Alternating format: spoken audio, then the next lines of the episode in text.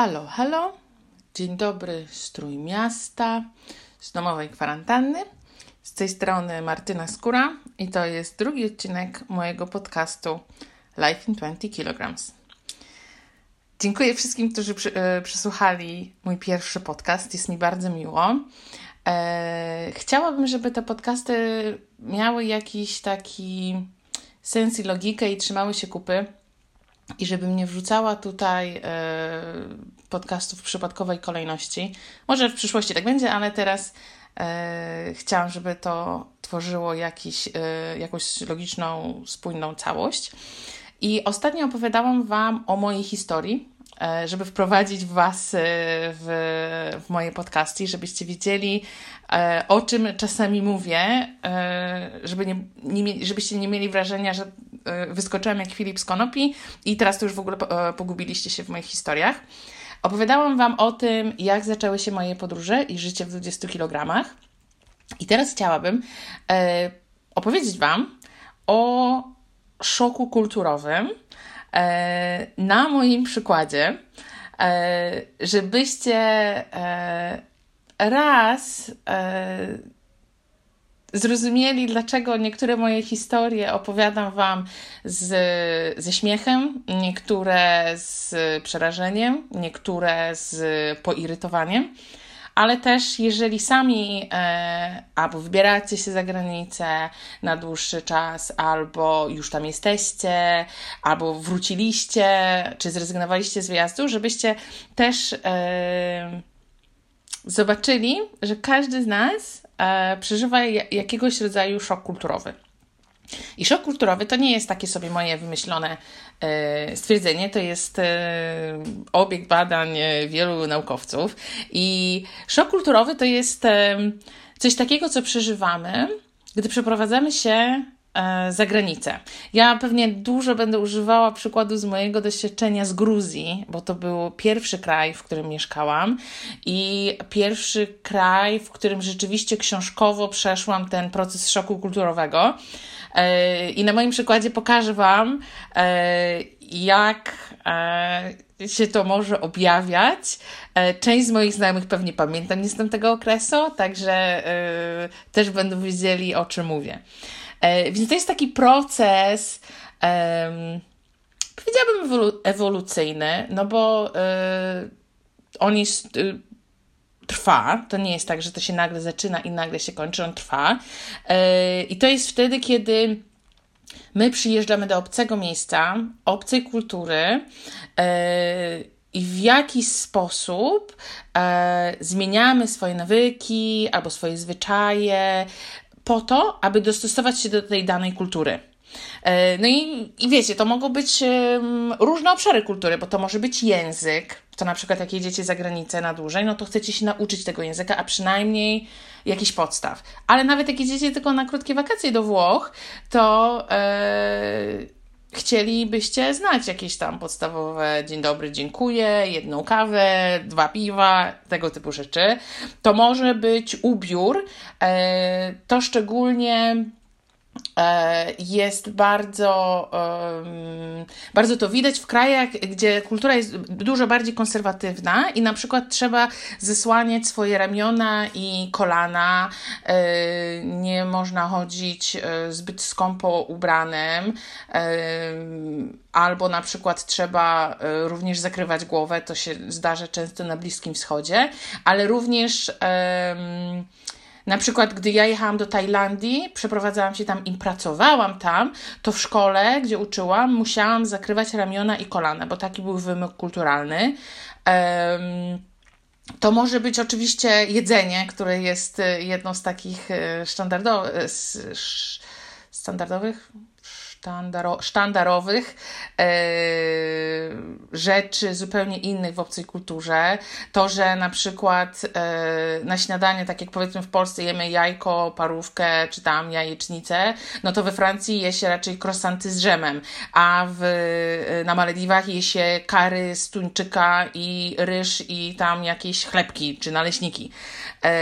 To może być, to może, mogą być również święta, to jak się je obchodzi. Ja na przykład w Gruzji, e, w kraju, który jest prawosławny.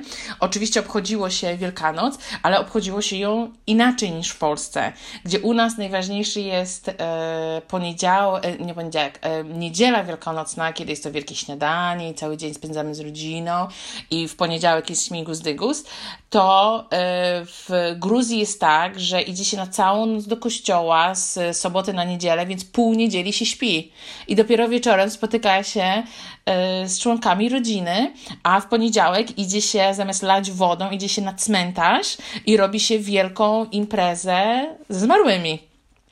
To mogą być różne tradycje, e, tak jak tradycje weselne, przecież wesela i śluby inaczej wyglądają w różnych kulturach. E, może, mogą być e, obchody urodzin albo e, no, bardzo dużo może być e, tych tradycji. Może być też oczywiście religia, gdzie e, w, no, w Europie my jako Polacy jesteśmy przyzwyczajeni do naszej katolickiej religii, ale y, no już na przykład w Gruzji była religia prawosławna i tam na przykład wiele osób e, bardzo przestrzegało postu i post jest w środę i w piątek. I to jest taki post zupełnie wegański. Nie je się nawet produktów odzwierzęcych, czyli na przykład jajek czy nabiału. E, w Wielkim Poście to ja znam osoby, które w ogóle żyły o chlebie i wodzie.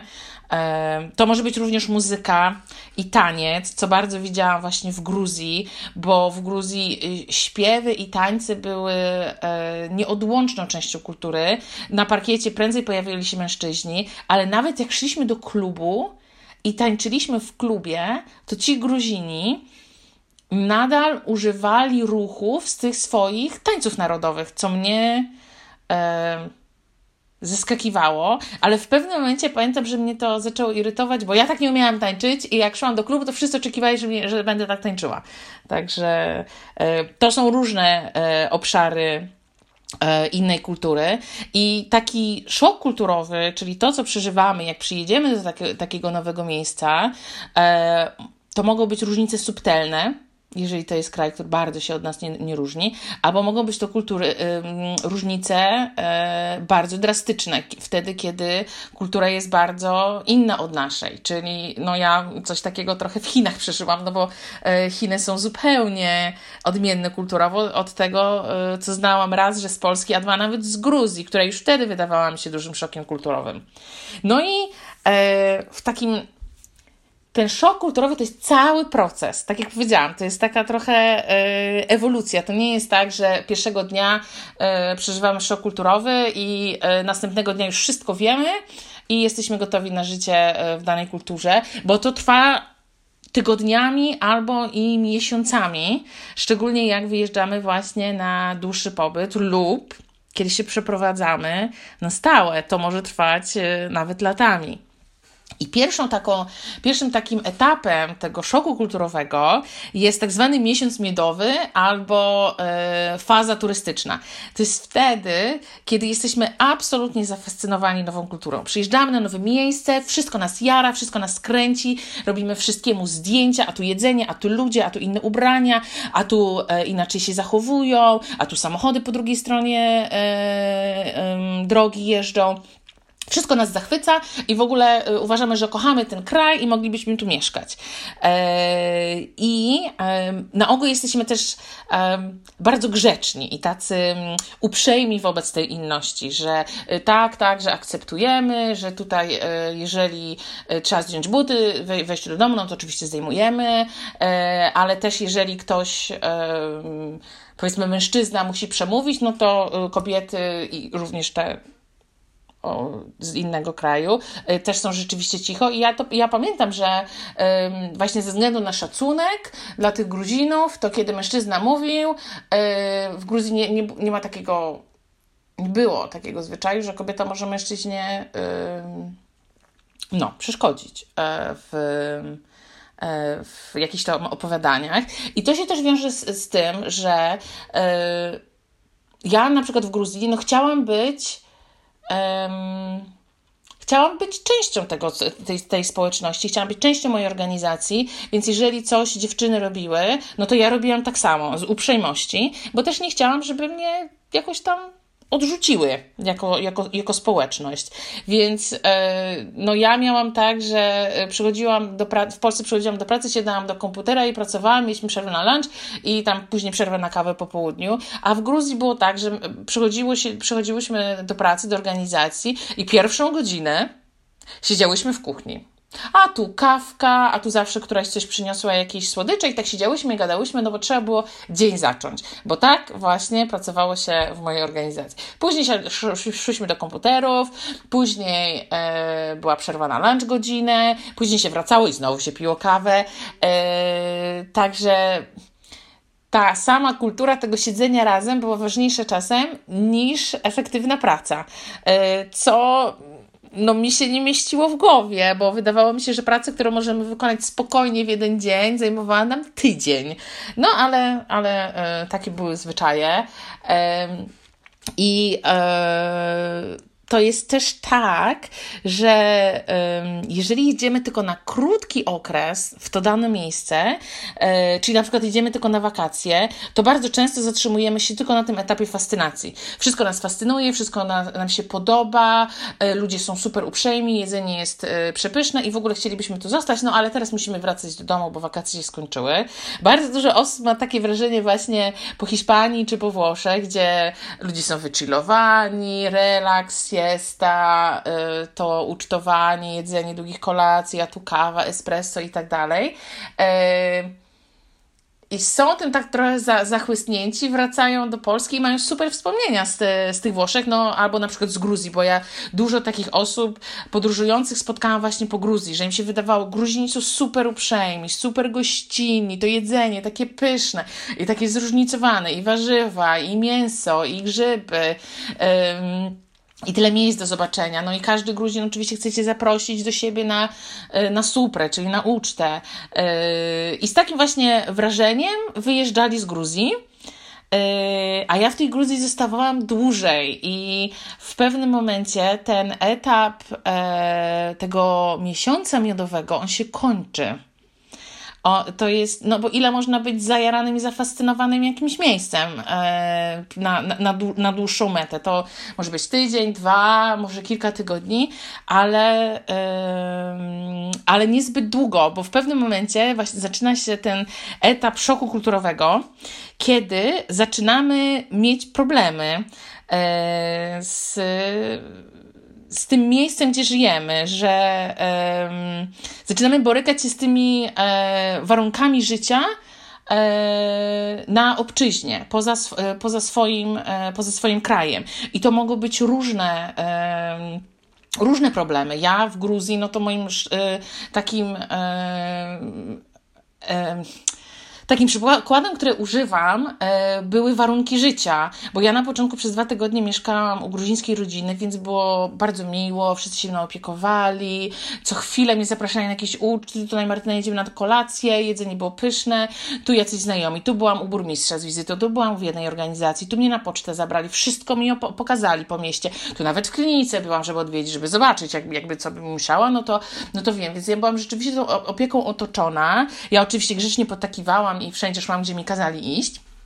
E, od, odzywałam się tylko wtedy, kiedy się e, mnie pytało o zdanie. E, I oczywiście z lekkim uśmiechem przyjmowałam to, że tak, tak, Mici Martyna, znajdziemy tutaj Gruzina, prawdziwego mężczyzna. No, no dobrze, no. I, I, nie komentowałam tego, no bo chciałam być uprzejma. No ale w pewnym momencie zaczęło mnie różne rzeczy denerwować, bo jak po tych dwóch tygodniach z rodziną gruzińską przeprowadziłam się do swojego mieszkania, na które czekałam no, bo ja e, długo, no bo te dwa tygodnie ja miałam w ogóle do tego przyjechać do Gruzji i prosto tego mieszkania się wprowadzić. I Bogu dzięki, że się nie wprowadziłam. Bo nie wiem, czy bym tam wytrzymała i nie wiem, czy bym szybko nie wróciła do Polski. Bo przez te dwa tygodnie miałam taki, z gruzińską, z gruzińską rodziną miałam ten bufor, a e, przy, jak się przeprowadziłam do mojego mieszkania, to się e, zaczął, dla mnie się wtedy zaczął Armagedon, bo zdałam sobie wtedy sprawę, że oczywiście warunki życia są inne, e, ale e, ja miałam permanentne powodzie, bo był problem z kanalizacją, no bo w Gruzji generalnie są problemy z kanalizacją. E, była wiosna, więc e, topniały śniegi w górach, ja mieszkałam w górach, i one spływały do kanalizacji. Ta kanalizacja nie przerabiała tego, ona wybuchała. E, poza tym woda generalnie w kranach była tylko rano i wieczorami, w ciągu dnia nie było, bo tak, tak było po prostu w Gruzji. Ale ja, w związku z tym, że ta kanalizacja mi ją wysadzała, ja nie miałam w ogóle wody, więc ja na przykład przez dwa tygodnie nie miałam wody w kranie do umycia się, do umycia zębów, do gotowania, do spłukania toalety. Ja musiałam się wtedy wilgotnymi chusteczkami myć. To jest taki koci prysznic. Macie wilgotne chusteczki i całe ciało e, myjecie e, takimi chusteczkami. I spoko, jak się jedzie gdzieś w podróż na, nie wiem, dwa tygodnie albo na jakiś road trip, e, to można raz czy dwa razy czymś takim się umyć i to jest w ogóle śmieszne i wszyscy sobie dowcipy opowiadają. Ale jak trzeba coś robić, coś takiego przez dwa tygodnie, no to się już zaczyna denerwować. Oczywiście ja nie znałam języka gruziński jest bardzo ciężkim językiem i e, długo mi zajmowało uczenie się. E, ja szybko zrozumiałam, że muszę bardziej w rosyjski zainwestować. Niemniej jednak w Gruzji też wszystko polegało na znajomościach, bo tam internet kiepsko działał wtedy, ale nawet jakby działał lepiej, to i tak nie ma takich stron na zasadzie hydraulik w Achalsiche, numer telefonu, dzwoń w razie potrzeby. No nie, trzeba znać ludzi, a ja oczywiście nikogo nie znałam, no bo dopiero się przeprowadziłam. Więc wszystkie prośby z problemami kierowałam do mojej organizacji i do moich koleżanek z pracy, więc ja byłam zupełnie od nich uzależniona. I ja też miałam, miałam takie sytuacje, że tak naprawdę mogłabym wpaść w konflikt, bo z czymś się nie zgadzałam w organizacji, ale musiałam sobie zbalansować. No dobra, teraz się z nimi o coś pokłócę, a później, jak będzie potrzeba, to one mi nie pomogą. No bo no bo się z nim pokłóciłam, więc już po prostu czasami gryzłam się w język i e, spuszczałam głowę po to, żeby wiedzieć, że jeżeli będę potrzebował pomocy, to mogę na nie liczyć. No i e, ta moja szefowa różnych hydraulików sprowadzała, e, jakiś tam, nie wiem, majstrów, nie majstrów od siedmiu, siedmiu boleści. No i słuchajcie, to trwało dwa tygodnie. To nie było tak, że koleś przyszedł i raz naprawił i, i w ogóle jest spoko. Tylko e, co chwilę tam ktoś przychodził i to naprawił. Oraz wróciłam wieczorem do domu. To było chyba za 5.12 wieczorem, a sklepik e, obok mnie zamykali o godzinie 12, o północy. Ja weszłam, pierwszy miałam taki odruch przez pierwsze dwa tygodnie. Wchodzę do domu i sprawdzam, czy jest woda w kranie. Nie było, więc ja wziąłam mój plecak podróżny, 60, 60-litrowy, wybiegłam z mieszkania, pobiegłam do sklepu, nogę w drzwi i wykupiłam całą wodę mineralną, jaka była. Całą, calutką bo nie miałam w ogóle w domu. Już się tak wkurzyłam, że stwierdziłam, że muszę mieć jakieś zabezpieczenie, bo to było po prostu mega nie, nieprzewidywalne, kiedy ja będę miała, e, kiedy ja będę miała tą wodę. E, prąd mi w międzyczasie wyłączyli, bo okazało się, że rachunki w Gruzji e, no, of course nie przychodzą online, e, tam nie ma skrzynek, adresy generalnie kiepsko funkcjonują. Przez trzy miesiące próbowałam się dowiedzieć, jaki jest adres mojego mieszkania. No i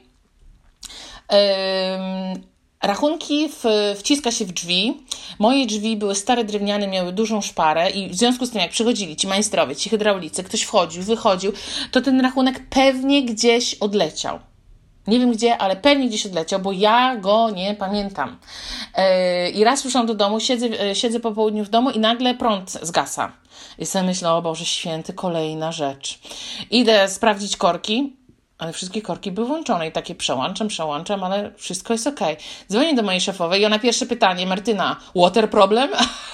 Bo już myślała, że kolejny dzień problemu z wodą. Mówię, że nie. Dzisiaj jest problem z prądem, z elektrycznością. I ona się pyta, kiedy, y, czy ja mam rachunek? Ja mówię, że nie, ja nie mam żadnego rachunku. No ale powinnaś dostać, no bo rachunki są w drzwiach wkładane. Mówię, że w życiu żadnego rachunku nie widziałam. Może jak były te naprawy, to ten rachunek gdzieś odleciał. No i tam trzy koleżanki z organizacji się zaangażowały. Okazało się, że rachunek był dostarczony. No ja go oczywiście nie miałam. No dobrze, no to ale to my zapłacimy. Ale na tam w elektrociepłowni powiedzieli, że no nie, no pani, jeżeli nie ma rachunku, tam jest numer identyfikacyjny. My nie mamy e, tego numeru identyfikacyjnego i jeżeli pani go nie ma, no to nie może pani zapłacić. Że może zrobić to tylko właściciel. A gdzie jest właściciel tego mieszkania? W Moskwie mieszkał. Super. Czat. No i ja, to był piątek i ja sobie tak myślę, no tak, no zajebiście, teraz będę przez weekend bez prądu, a miałam ogrzewanie tylko w postaci dwóch grzejników elektrycznych, no to jeszcze zamarznę, bo był marzec, no super, super, ja już po, naprawdę miałam y, czarne myśli w głowie. Ja już byłam tak zdesperowana. Ja miałam permanentny, permanentny taki ścisk, y, wiecie, y, w ramionach. Jak macie takie naprężone z zimna albo ze stresu, to ja miałam taki y, codziennie.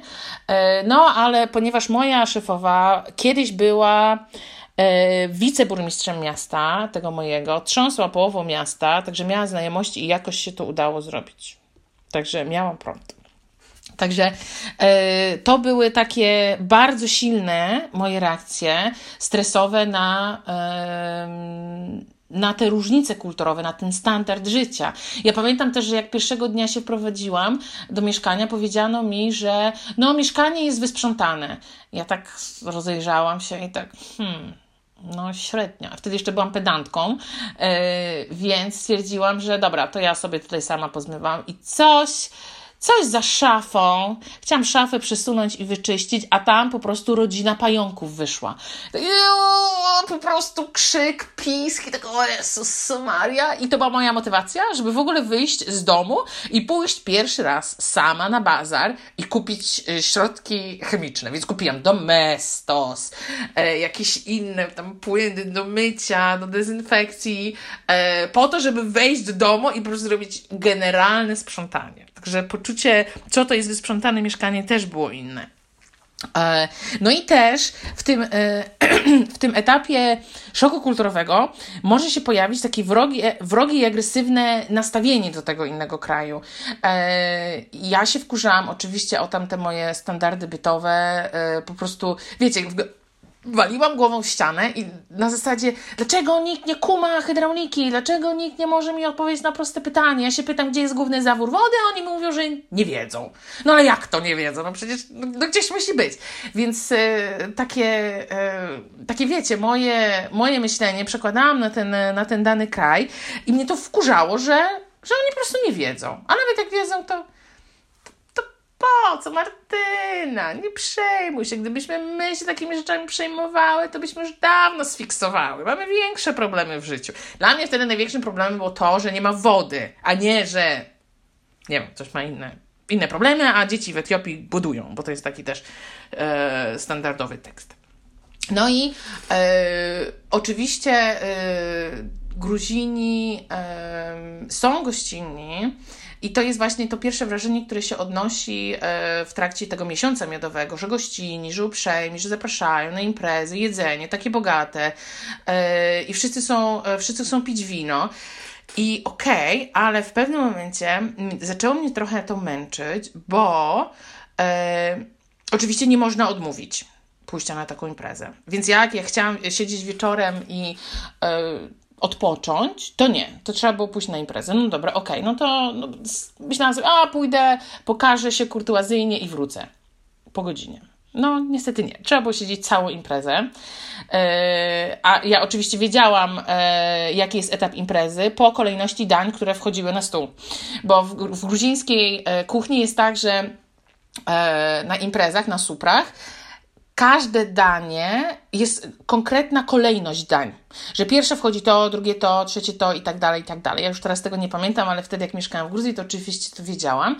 I ja wiedziałam na jakim etapie imprezy jesteśmy po tym, jakie jedzenie weszło. I po tym, jaki był toast. Bo oczywiście w Gruzji, może część z Was wie, jest kultura e, toastów, znoszenia toastów i tam jest też właśnie e, konkretna kolejność tych toastów, więc jak był toast za ojczyznę, to ja wiedziałam na jakim etapie jesteśmy imprezy. Jak był toast za matki, to ja też wiedziałam. Jak był to, toast za gospodarzy, to ja też wiedziałam, gdzie, gdzie jesteśmy na imprezie. No ale trzeba było zawsze e, wysiedzieć do końca. Ale na tych imprezach oczywiście pojawiali się też mężczyźni, którzy uważali, że ja powinnam mieć e, prawdziwego e, gruzińskiego męża, więc się wszyscy do mnie, może nie wszyscy, ale stopniowo się do mnie przystawiali. I ja mówię, że nie, nie, nie, dziękuję, próbuję być uprzejma, a oni nie biorą nie za odpowiedź i oni dalej próbują. Albo yy, tam poprosiłam koleżankę o pomoc, mówi nie, nie, nie, oni chcą być tylko mniej, bo wiesz, jesteś taka atrakcyjna i w ogóle, ale to, że na, naruszali moją jakąś tam przestrzeń osobistą, że a tu się przystawiali, a tu rękę na kolano kładli, no to to mi się już nie podobało, ale w tamtej kulturze y, ja tam się oczywiście sprzeciwiałam, ale wiesz, wiecie, tak patrzy, patrzy ci faceci to w ogóle nie kumali, kobiety też tak, hmm, ale o co jej chodzi? Przecież takie wiecie, końskie, końskie zaloty, to ona się podoba tym Gruzinom i ona w ogóle powinna mieć gruzińskiego męża. E, to mnie na przykład denerwowało. E, ten taki e, patriarchat i takie patrzenie na kobiety e, z góry i ta jawna dyskryminacja i złe traktowanie kobiet. Ja nie kumałam, dlaczego te Gruzinki nie chcą się rozwodzić ze swoimi mężami, którzy e, permanentnie je zdradzają albo jeszcze nie daj Boże biją. E, no ale mnie to wkurzało, bo ja oczywiście przynosiłam swoje dość liberalne wartości z Polski na, e, na obszar Gruzji, która była mega konserwatywna. Także e, były właśnie takie zachowania e, i też mnie irytowało, że facetom się na bardzo dużo pozwalało.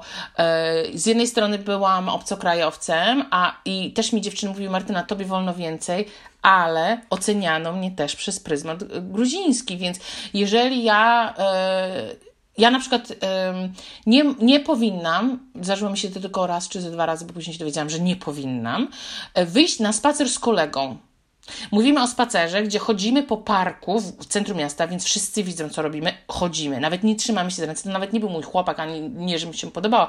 Po prostu poszliśmy na spacer. Eee, no i nie mogłam, bo się źle prowadzę, bo z mężczyznami nie powinnam sama chodzić. Eee, to były na przykład takie zachowania. E, mnie to irytowało, że no ale jak to? Przecież ja tutaj nie jestem z tej kultury, ja jestem ze swojej kultury, ja powinnam mieć prawo, dlaczego nie mogę? E, no to się oczywiście uwiązało z tym, że miałabym złą opinię źle prowadzącej się kobiety. E, ja też musiałam wybrać sobie bitwy, które chcę wygrać, a które przegrać, żeby wygrać wojnę. E, mówię tutaj tak, może tak negatywnie trochę brzmi, ale chodziło o to, że ja w mojej organizacji pracowałam z dziewczynami, młodymi kobietami. E, ja je chciałam aktywizować, e, różne szkolenia dla nich prowadziłam, edukować chciałam je i wiedziałam, że Moja reputacja jest tym bardzo ważna, bo jeżeli straciłabym swoją reputację i uważano by mnie za tam, nie wiem, dziewczynę lekkich obyczajów albo źle prowadzącą się w mieście, to żaden rodzic, żadna matka nie wysłałyby swojej córki do mnie na zajęcia. Więc ja się oczywiście mogłam wkurzać, no ale musiałam to zaakceptować. E, I duży wpływ na ten szok kulturowy ma również e, bariera językowa. To, że ja na początku bardzo chciałam się uczyć tego gruzińskiego, ale gruziński jest naprawdę trudnym językiem, więc to dużo czasu zajmuje. Ja się rosyjskiego szybciej nauczyłam, już troszeczkę miałam rosyjski, wcześniej w Polsce się uczyłam, ale mimo wszystko oni nie rozmawiają po rosyjsku. Jak zaczniesz do nich mówić po rosyjsku, to oni się przestawią na rosyjski, ale na ulicach między sobą, sobą rozmawiają po gruzińsku. I też e, na pewno to, że ja mam z Chin, nie mam tak dużo dobrych wspomnień i uważam, że to był ciężki kraj do życia. Na pewno był podyktowany tym, że ja nie znałam języka e, bo naprawdę niewiele kumałam z tego. E, miałam na szczęście bardzo dobrą polską koleżankę Gosię, która e, robiła tam doktorat. I ona znała chiński, bardzo dobrze znała kulturę, więc ona mi dużo rzeczy tłumaczyła i to było mi łatwiej to wtedy zrozumieć. No niemniej jednak sama y, sama się wkurzałam na tą barierę językową.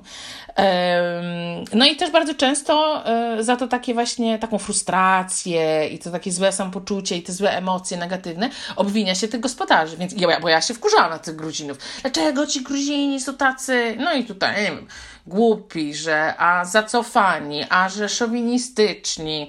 E, no różne epitety e, rzucałam. I naprawdę nie byłam wtedy wzorem tolerancji i takim książkowym przykładem osoby, która podróżuje i w ogóle akceptuje wszystko, co się naokoło nie dzieje. Na pewno nie byłam. I to jest też taki moment, kiedy szuka się wsparcia w rodakach. Więc część z Was może pamiętać, że ja na przykład dzwoniłam i narzekałam że jest beznadziejnie, że ci Gruzini to to i tamto, ja już nie chcę tu być i w ogóle co to za zacofany kraj. I tak dzwoniłam i do mojej rodziny, i do znajomych, i do mojej organizacji w Polsce. I zawsze wtedy słyszałam, no ale nie musisz tam zostawać. Zawsze możesz wrócić. No i to jest właśnie taki bardzo. Um, um, taki tricky okres, że z jednej strony narzekamy, no ale z drugiej strony, czy chcemy wracać, czy nie. I teraz osoby nasze bliskie z kraju ojczystego, z Polski, e, im się wydawało, że te moje doświadczenia w Gruzji były straszne. Ja tam w ogóle cierpiałam i w ogóle nie chciałam tam być, tam było strasznie na każdym kroku. Co nie było prawdą, bo ja generalnie wspominam okres z Gruzji bardzo dobrze. Ja się dużo nauczyłam, bardzo dużo podróżowałam. Miałam niewiele, ale miałam bardzo dobrych przyjaciół i swoje gruzińskie rodziny, które mnie zaadoptowały. Ale w perspektywie opowiadań moich polskich znajomych, no to ja tam po prostu Strasznie było. Strasznie było w tej Gruzji i w ogóle nie podobało mi się tam. Więc to jest też ważne, żeby zwrócić na to uwagę. Żeby no, starać się nie narzekać za bardzo i też dostrzegać e, te plusy. E, to jest właśnie wtedy, te, widać te różnice kulturowe bardzo, e, bardzo wyraźnie. No i tak pojawia się też taki takie konflikty i to mogą być konflikty zewnętrzne na zasadzie, że kłócicie się z kimś, wyzywacie. Ja pamiętam, że miałam konflikt z moją organizacją, bo e, ktoś mnie zauważył kiedyś w samochodzie e, mężczyzny, a to chodziło o to, że ja wracałam, ja wysiadłam e, z marszrutki, czyli takiego busa, który przywiózł mnie z Tbilisi ze stolicy do mojego miasta i lało strasznie i zauważyłam, że mój kolega podjechał, bo jechał akurat samochodem i on się zatrzymał, mówi Martyna wsiadaj do samochodu, ja cię podwiozę do domu. Mówię, Boże, z nieba mi spadłeś Zawiózł mnie do domu do mieszkania. I to było tak, że on się zatrzymał przed moim e, mieszkaniem i ja wyszłam z samochodu i weszłam do mieszkania. On nawet nie otwierał drzwi. E, pomachał mi, ja podziękowałam i tyle. Ale oczywiście po mieście rozniosła się plotka, że ja się źle prowadzę, bo ja z mężczyzną byłam w samochodzie. I ja z, miałam konflikt z organizacją w, w, w, dlatego, no bo ja się wkurzyłam, że te moje koleżanki wyciągnęły jakieś wnioski i e, z tych plotek, o których słyszały, a w ogóle się mnie nie zapytały.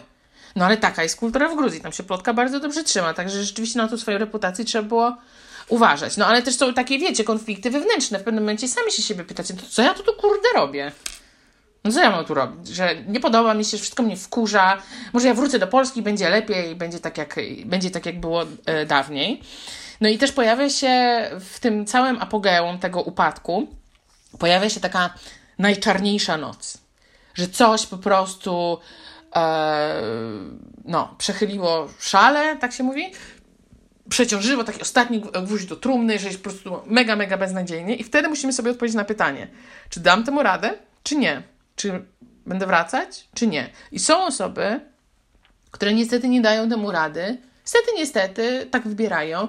Ja miałam na przykład w Chinach taką koleżankę, która po trzech miesiącach ona była sama i to też było dosyć ciężkie, bo ja w Chinach byłam już ze, ze swoim partnerem. E, ona była sama i ona miała bardzo ciężki e, okres tej adaptacji i ona w pewnym momencie stwierdziła, że ona nie da rady. Że ona nie da rady, że ona wraca. No i ja to szanuję. E, stwierdziła, że to nie jest dla niej, no i wróciła.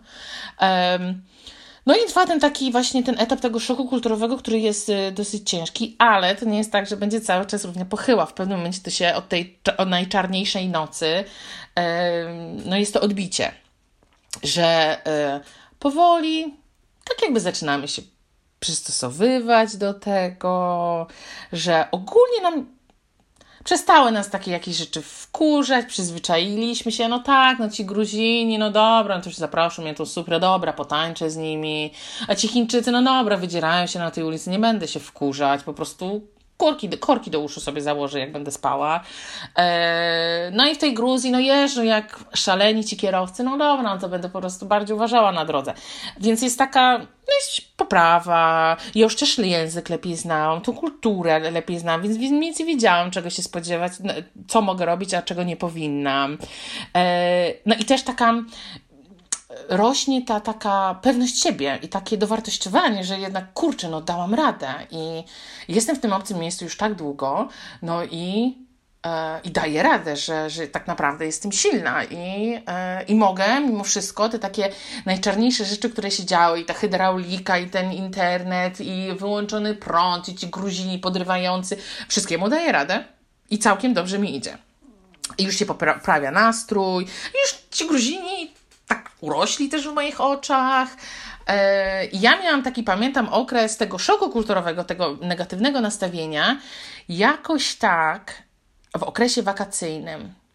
To ja miałam wtedy konflikt z, w, tej mojej organizacji e, i też wtedy dużo znajomych z Polski, rodzina i przyjaciele mnie odwiedzali, więc ja miałam taki porównanie tutaj Polacy, o Boże, mogę sobie porozmawiać, pożartować, a to z tymi Gruzinami nie mogę. I to był ten e, mój okres szoku kulturowego, przypadł na wakacje, a to ożywienie i taki, ta poprawa nastroju pojawiła się na jesień że już pamiętam, że szko rok szkolny się zaczął, E, jakoś te zajęcia w mojej organizacji były bardziej regularne, te moje dziewczyny przychodziły regularnie, one się bardzo cieszyły, że ja nadal jestem, że ja nadal prowadzę z nimi zajęcia i to było też takie budujące, że one po tych wszystkich miesiącach, one nadal chcą do mnie przychodzić na zajęcia, porozmawiać ze mną po angielsku. Ja widziałam też u nich progres w języku angielskim, że one rzeczywiście się uczą z tego i one się zrobiły też bardziej otwarte, zaczęły mi bardziej o takich osobistych rzeczach opowiadać, o swoich miłościach, o swojej sytuacji w rodzinie, o takich rzeczach, które też je denerwują w kulturze gruzińskiej. Także ja się poczułam dużo dużo, dużo lepiej.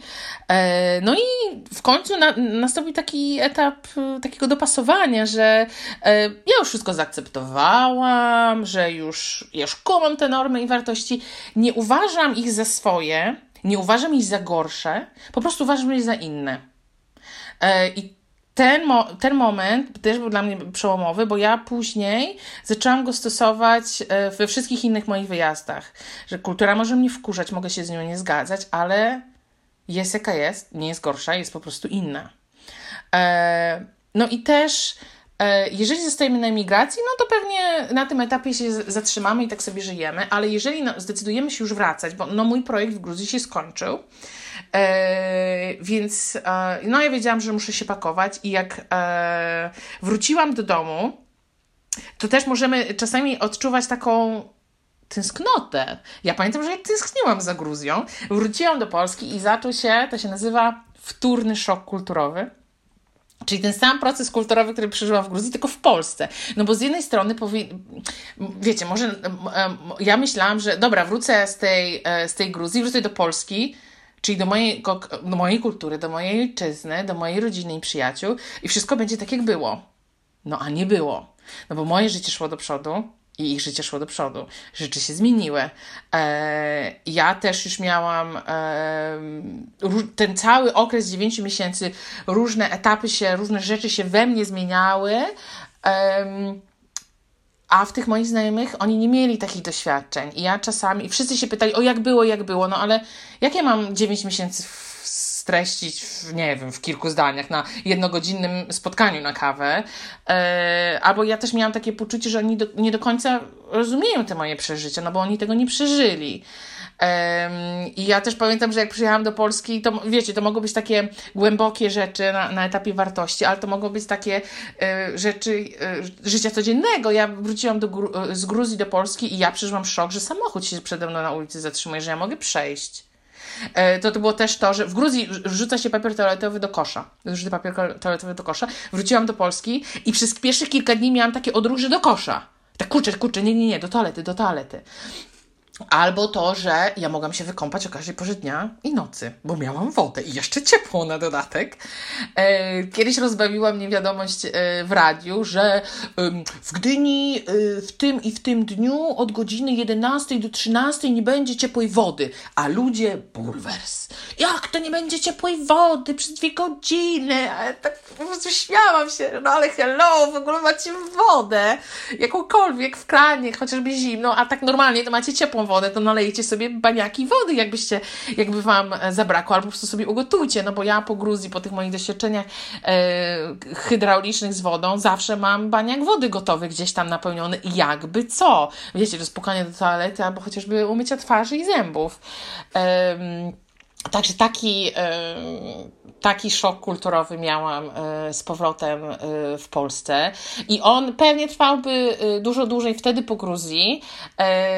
Gdybym została dłużej, a ja nie zostałam, ja wróciłam raz do Gruzji, a później po drugim wyjeździe do Gruzji pojechałam do Chin. Ale na przykład miałam duży szok kulturowy teraz w 2019, jak wróciłam do Polski. Wiecie, ja wyjeżdżałam z Polski w 2011. Sytuacja polityczna była inna i nastroje społeczne były inne. E, ja wróciłam do Polski i e, rzeczywiście przeżyłam taki wtórny szok kulturowy, bo zauważyłam, że jest dużo więcej negatywnych emocji, e, strasznie dużo hejtu w internecie albo w mediach, że e, ludzie są wobec siebie bardziej agresywni na ulicach, już pomijając, e, wiecie, tam 11 listopada e, i te e, narodówki faszystów i ludzi ze swastykami chodzącymi po ulicach, bo mi się to nie mieściło w głowie, jak Polska, która przeżyła II wojnę światową i walczyła z nazistami, może do, jak ludzie w ogóle mogą zakładać takie rzeczy i tatuować sobie swastyki na, e, na ciele, e, albo wyzywać powstańców warszawskich. No, e, miałam takie, takie wiecie, mm, ideologiczne konflikty wewnętrzne i taki właśnie wtórny szok kulturowy, taki, na, takim, taki bardzo na podstawie y, wartości, jakie, które ja y, zawsze, y, zawsze wyznawałam. Ja uważałam się zawsze za osobę liberalną i moje podróże też nauczyły mnie większej otwartości i akceptacji innych kultur, a ja przyjechałam do Polski i, i zauważyłam, że nie wszyscy tak mają. No i to, to było dla mnie takie ciężkie i chyba bolesne, bo też Wiecie, ja sobie oczywiście tą Polskę wyidealizowałam, jak byłam za granicą, jak mnie jacyś Gruzini wkurzali, no to mówiłam, o w Polsce jest tak cudownie i pięknie i w ogóle ja bym chciała być w Polsce z powrotem. No i nagle wracam i tak nie jest idealnie. Yy, no, także yy, tak wygląda, moi drodzy, yy, cały proces szoku kulturowego.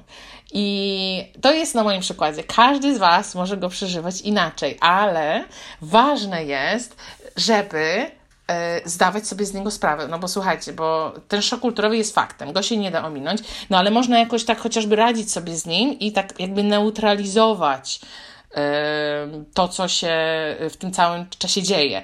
To ważne jest to, żeby być w ogóle świadomym, że coś takiego się dzieje, że to jest naturalne, że to, że ci Gruzini mnie wkurzali, to nie jest tak, że oni są po prostu, wiecie, głupimi ludźmi, zrąbanym narodem i nie wiem, wszystkie inne złe epitety.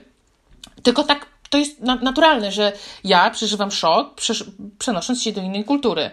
E, I e, to jest też właśnie czas, kiedy, jeżeli potrzebujecie, to możecie szukać na przykład pomocy specjalistów. Ja znam organizacje, które jak goszczą siebie wolontariuszy, no to zapewniają taką, wiecie, mentora albo psychologa, który pomaga pomaga przeżyć ten taki proces. To mogą być też inni obcokrajowcy żyjący w, w tym danym kraju, albo osoby, które wiecie, że przeszły przez podobny proces. Yy, może nie w tym samym kraju, ale gdzieś indziej, yy, które pomogą Wam prze, przerobić właśnie te Wasze swoje uczucia i przeżycia. Na pewno nauka języka obcego pomaga może nie nauczycie się go najlepiej, bo są języki bardzo ciężkie do opanowania, ale przynajmniej, chociaż trochę. To mogą być kontakty towarzyskie i budowanie relacji z otoczeniem. Idziecie na bazarek i sobie zagadacie z panią od y, owoców. Ja miałam taką panią od owoców i e, pan od warzyw. I ja sobie e, poszłam na ten bazarek, tam trzy zdania wymieniliśmy, bo ja więcej nie umiałam, ale fajnie, miło, miło. Tam jakieś tam jedno jabłuszko dodatkowo dostałam, bo jakiegoś tam innego mm, ogórka w gratisie, y, albo tam z panią ze sklepu, z którą wymieniałam tylko zdania, y, jak tam miło mi, dzień dobry, tutaj poproszę słonecznik łuskany, no i tego typu rzeczy. Ja też miałam swoje rodziny gruzińskie, w Chinach miałam polskich znajomych, którzy już dużo mieszka długo mieszkali w tych Chinach, więc oni mi powoli pomagali też przetrawić te moje szoki, chińskie szoki kulturowe. Także to są takie rzeczy, które warto mieć z tyłu głowy i warto wiedzieć, że to nie jest koniec świata i że to się wszystko da przerobić. E, można takie rzeczy zaakceptować, a można się od nich izolować, no ale wtedy, wiecie, frustracja narasta. Także słuchajcie, to tyle na dzisiaj. E, mojego drugiego podcastu gadałam prawie 45 minut. E, dzięki, że wytrzymaliście. Mam nadzieję, że będziecie ze mną do następnego podcastu. E, ja polecam Wam, żebyście subskrybowali e, mój kanał, zarówno na Spotify i na aplikacji e, Apple'owskiej, e, żebyście wiedzieli, kiedy pojawia się e, nowy podcast. Ci z Was, którzy nie śledzą mojego bloga, zapraszam na bloga lifein20kg.com albo na Instagrama lifein20kg czy na fanpage na Facebooku pod tą samą nazwą. Dzięki, że ze mną byliście. Martyna Skóra z podcastu e, Life in 20 kg, a to był mój drogi podcast o szoku kulturowym.